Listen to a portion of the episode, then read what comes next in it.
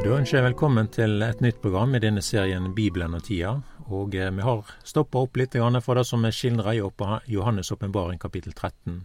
Her er det antikristen sin framtreden i verden fortalt, og vi streker under den makt som et gjeve han. Antikrist står fram med ei stor utstråling. Han har det vi kaller for en karisma. Han har ordets makt og får folket med seg.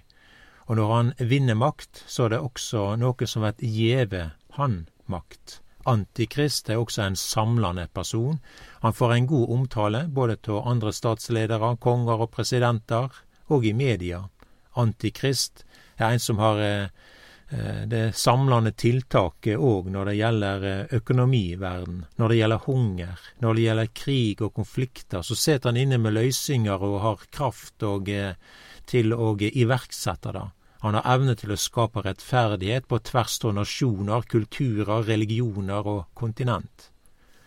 Nyhetsbildet i dag så er det fullt av vold, konflikter, krigsområder, kriminalitet og brutalitet, naturkatastrofer og overgrep og hunger.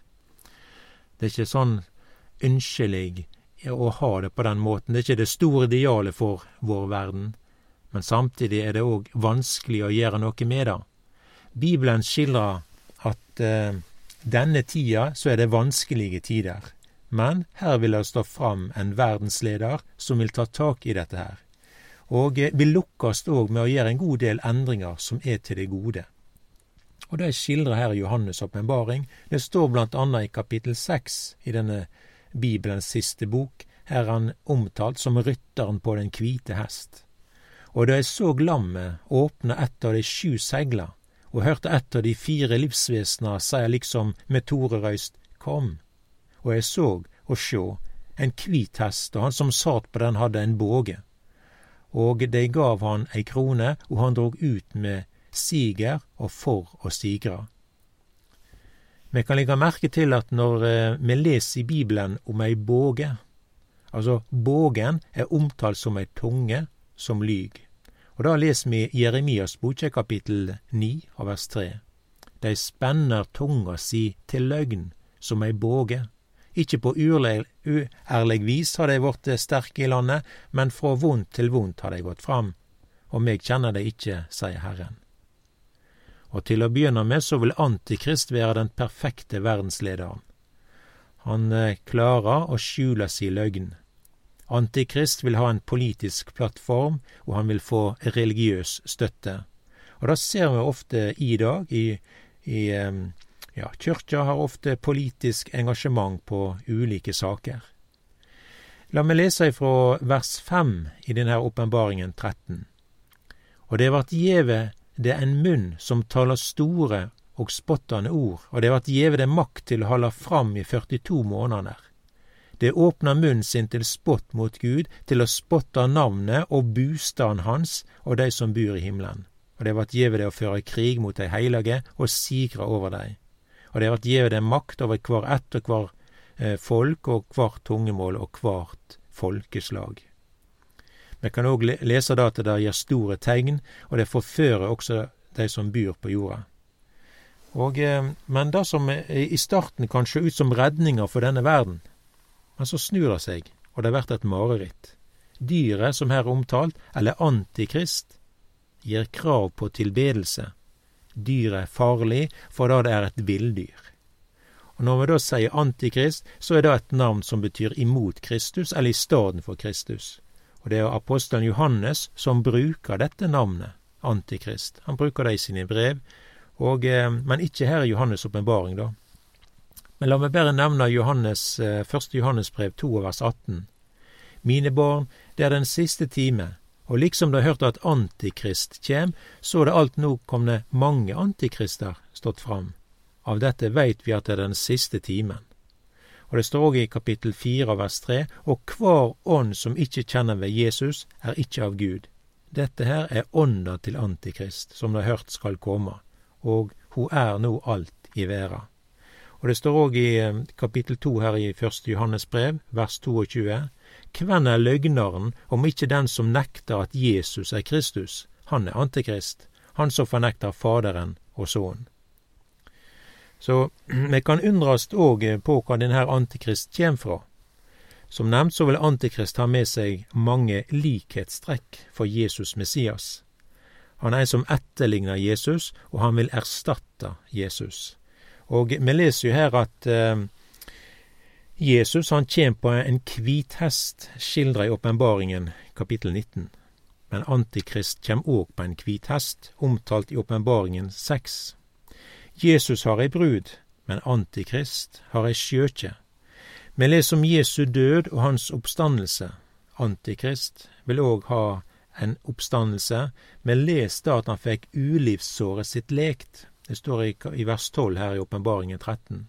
Det bruker all makta til det første dyret for øye på det, og det gjør at jorda og de som bor på henne, tilber det første dyret, det som fikk ulivssåret sitt lekt.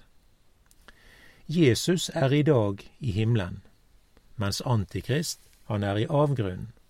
Jesus er Guds sønn, men Antikrist er omtalt som fortapingssønnen. Og tenker vi på bibelfortellingene, så er det veldig mye som kjem fra Midtausten.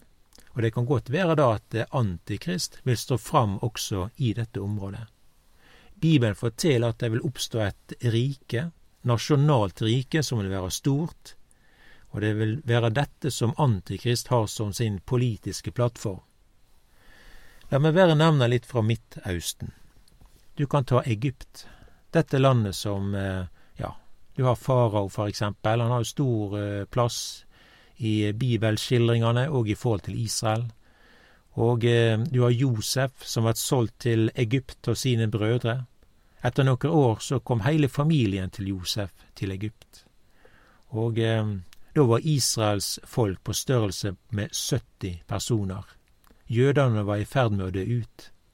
Men i Egypt så folk, eh, der voks folket fram, og ved utgangen til Egypt, hvor Moses var leder, så er det et folk som til mange millioner mennesker. Vi kan òg nevne Asyria. Dette var jo et stort rike med Ninive som hovedstad. Også dette landet og folket har hatt stor innflytelse på Israel. Det var jo asyrerne som angrep Nordriket til Israel og bortførte disse ti av Israels tolv stammer til fangenskap i Asyria, og det skjedde i år 722 før Kristus. Men det asyrike riket det forsvant, og den store byen Ninive gikk under. Ninive var ikke lenger. Og etter Ninive så får du det babylonske riket, og her har du dette landet og dets ledere det har òg stor plass og omtale i Bibelen. Det var i det babylonske riket med Nebukaneser som angrep Israel. Og det var da den sørlige delen av landet, med Juda og Jerusalem. Her var Juda bortført til fangenskap i Babel. Her var Daniel med, og eh, profeten Esekiel er også skildra blant disse bortførte fra Jerusalem til Babel. Nebukadnesa han Jerusalems murer og tempel i ruiner. Så mange av disse rike her, de har et forhold til Israel, og det er i Midtausten og området der dette skjer og er skildra. Og etter det babylonske riket så får du det persiske riket. Her møter vi Kyros. Og i dette persiske riket så blir det gjort kjent at det er et folk som ikke har sitt opphav fra Babel og Kyros ligger til rette for at jødene kan reise tilbake til Jerusalem. Og det var en god del som brøt opp, og eh, reiste da tilbake fra Babel til Juda og Jerusalem. Og de jødene som gjorde dette, her, de visste da at det fører mye jobb med seg å komme til Jerusalem. Her var alt ødelagt, eh, både by, mur og portene. De må reises på nytt. Det gjelder også tempelet, og alt dette ble gjort. Og dette er jo bibelhistorie som jeg kan lese både i Nehemja-boka og i Esra. Og noe av profetene skildrer også dette. Men i det persiske riket så eh, vart det beseira da av Alexander den store, og du får det greske store riket. Et rike som strekker seg over Asia til India. Men eh, sjøl om dette greske riket var stort, så måtte eh, det ha med Israel å gjøre. Og etter Alexander den store så ble dette greske riket delt i fire deler, og du får fire ledere. Og en av disse lederne vanhelga da tempelet i Jerusalem. men etter tre år så tok jødene kontrollen over Jerusalem, og tempelet ble rensa. Og Dette er jo bakgrunnen for Hanukka-feiringa i Israel.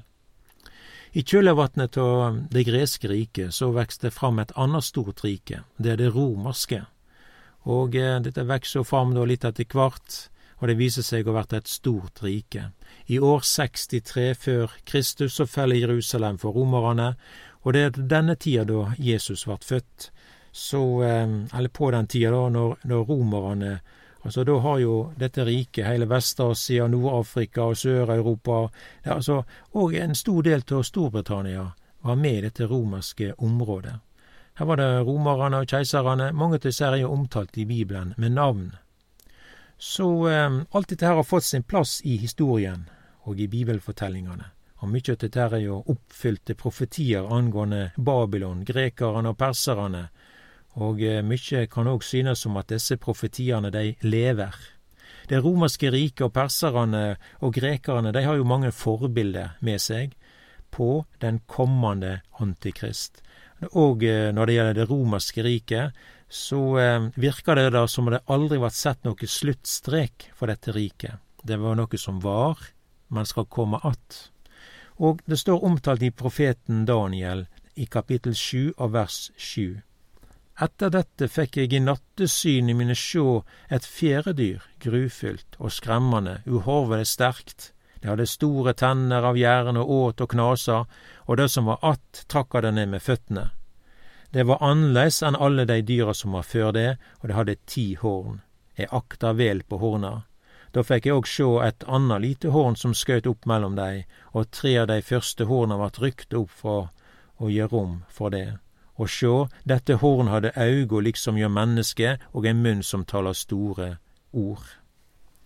Og i fortsettelsen så er det skildra og forklart hva dette her betyr. Det står i vers 23 i Daniels boka, Og da lydde ordet hans Det fjerde dyret skal være et fjerde rike på jorda, et som var, er annerledes enn alle de andre rika. Og det skal sluke heile jorda, trakke henne ned og, og knuse henne. De ti horna tyder at dette riket skal det stå fram ti konger. Og det skal stå fram en anna konge som skal være annerledes enn den som var før han. Han skal underkue tre konger. Han skal tale ord mot den høgste og undertrykkja dei heilage åt den høgste og tenkja på å endra tider og lov. Og dei skal gjevast i hans hand for ei tid, tider og ei halv tid.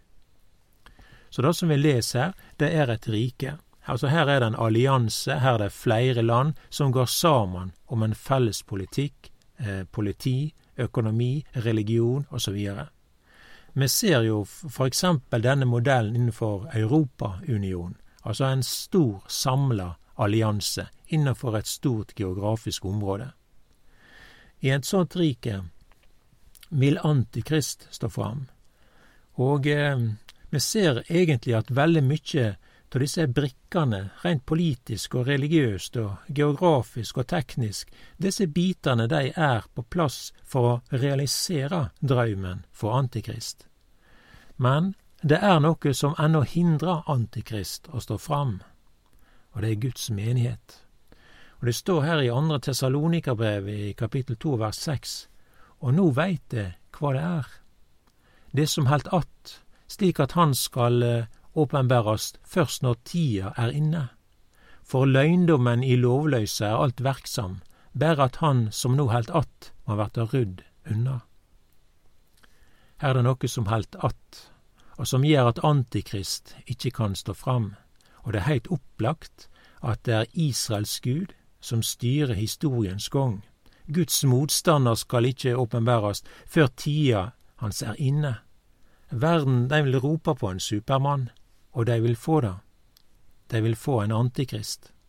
Og når bortrykkelsen har skjedd, så vil det være ei fri bane for denne lederen å stå fram. Det salige håpet er at Jesus kjem snart igjen.